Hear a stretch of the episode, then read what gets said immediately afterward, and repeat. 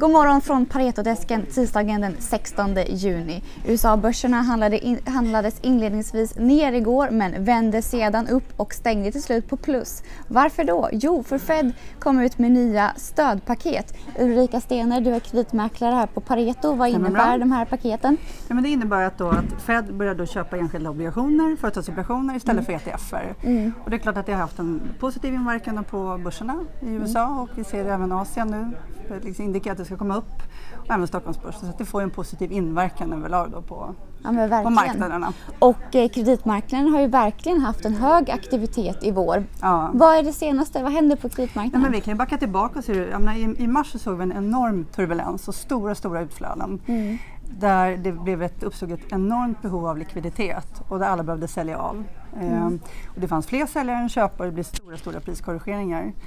Eh, och det här var globalt, ett globalt mm. fenomen. Och sen då tittar vi på den nordiska kreditmarknaden som betraktas som ganska illikvid. Mm. Där blir rörelserna ännu större därför att det fanns egentligen bara säljare och egentligen väldigt, väldigt få köpare som kunde möta upp där. Vi har ganska få opportuna köpare eh, i Sverige som kan gå emot sådana rörelser så att effekterna blev gigantiska. Ja, man såg ju fonder som var tvungna att stoppa Exakt. också. Det blev till och med effekter för att de kände inte att, det var, att de kunde sälja av de här innehaven mm. på relevanta priser. Nu har det justerats upp igen. Och sen kom ju då de här stimulanserna från centralbankerna i, eh, i april och liksom vi började se en stabilisering. Och det har vi sett även i Sverige, även om vår riksbank är lite mer försiktig. De har mm. köpt statsobligationer och de har mm. köpt eh, bostadsobligationer mm. och de har köpt eh, företagscertifikat, alltså det är räntepapper med kort löptid upp till ett år, mm. men bara investment grade-karaktär. Mm. Så att där kanske vi inte haft så lika stora effekter så att säga, mm. än så länge. Och man håller på att utreda hur man kanske ska köpa företagsobligationer också, fast av IG-karaktär. Och det är väl snart klart. Man har gett då Blackrock i, i uppdrag så att säga att titta på det.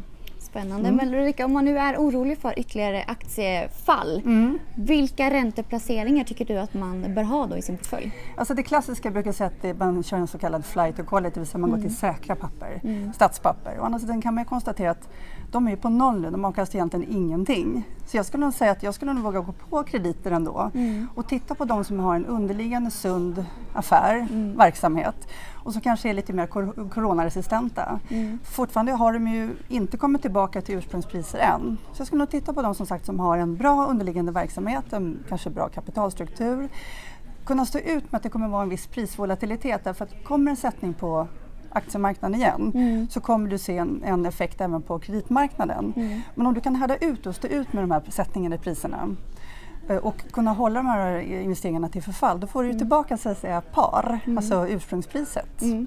Så lyfta blicken som med mycket annat här i investeringens värld? Ja, men det skulle jag nog faktiskt göra. Mm. Helt enkelt. Tack så mycket Ulrika. Tack. Tack. Tack. Ja, Stefan Vård, vi fick ju nyheter igår rörande Kinnevik och Zalando. De säljer av 17 procent av sitt innehav i Zalando. Ja, precis mer pengar till, eh, till ägarna för de annonserar också att de vill göra en extrautdelning. Extra så mer pengar till ägarna och mer pengar till eh, att öka upp i sina befintliga innehav, eller vad säger du? Ja, befintliga och nya innehav. Mm. Så de har ju en policy där att investera ungefär två tredjedelar i eh, existerande innehav och en tredjedel i nya och det här kommer säkerligen följa den den policyn. Totalt så fick man gross proceeds då innan transaktionskostnader 6,8 miljarder. Mm. 1,9 av de här går ut till aktieägarna befintliga. Mm. Eh, det motsvarar ungefär 7 kronor per aktie. Mm. Och man kan komma ihåg då Kinnevik har ju skippat sin årliga utdelning men den senaste låg på 8,40 om jag minns rätt. Mm. Eh, så att det är nära en sån utdelning. Då. Mm. Eh, men ser man framåt här så är det här, jag gillar den här transaktionen.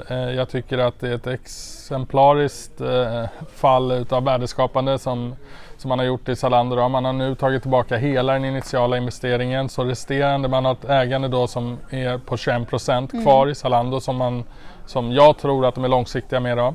Så det är bara en vinst kvar? Det är en vinst eh, kvar som de mm. har skapat på 10 år som uppgår till ungefär 33 miljarder. Mm. Eh, man ombalanserar portföljen så Zalando kommer ner till drygt hälften, 52 procent av navet på gårdagens eh, stängningskurser. Vad vi tror framöver här är mm. att man kommer justera upp värdet på healthcare-tillgångar. Mm. I dagsläget så utgör healthcare ungefär 40 kronor per, eh, per Kinnevik-aktie. Där Livongo är 26, Livongo är listat Mm. eh, och så har man även ett betydande ägande i Babylon och Village MD och det är just Babylon och Village MD som vi ser potential i. Dels att det kan komma om det kommer nya runder i de bolagen så har Kinnevik bra med resurser att delta i sådana runder men vi tror även att de är bokade till för låga värden. Så vi ser att de två tillsammans utgör ungefär, eh, ska vi se vad jag skrivit här.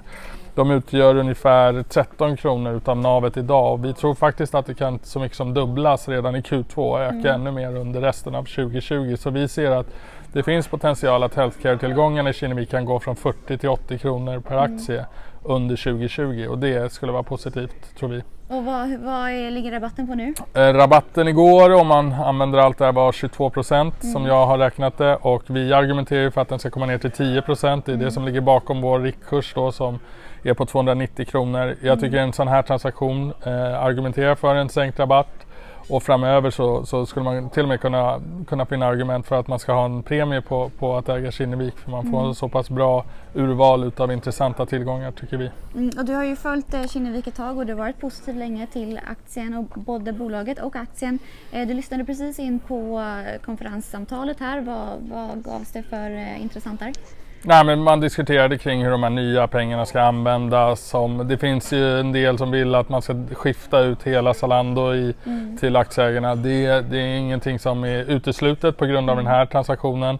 Eh, Men vad de är tydliga med är att de inte kommer sälja mer. Så de vill ju ta bort den här överhängsrisken då som det vart i till exempel i Millicom-aktien förra året. Då. Så man ska inte se Zalando som ett överhäng men det utesluter inte att det kanske blir en total utskiftning till existerande aktieägare. Det får man se. Jag skulle gärna se att man behåller Zalando eh, då jag tror att det, liksom, det bolaget har mycket potential kvar. Men då får vi se liksom medium, lång perspektiv. Då. Mm. Men positivt idag alltså. Ja, verkligen. Kul. Och eh, vi kan väl kort nämna det att vi på morgonmötet även eh, pratade Nobina, en aktie som föll 45 procent i det värsta raset här i vår. Eh, vår analytiker tycker att det här öppnar upp för bra köptillfällen och han tror även på att det kan komma ett förvärv längre fram. Så det är värt att spana in. Tack så mycket. Lycka till idag.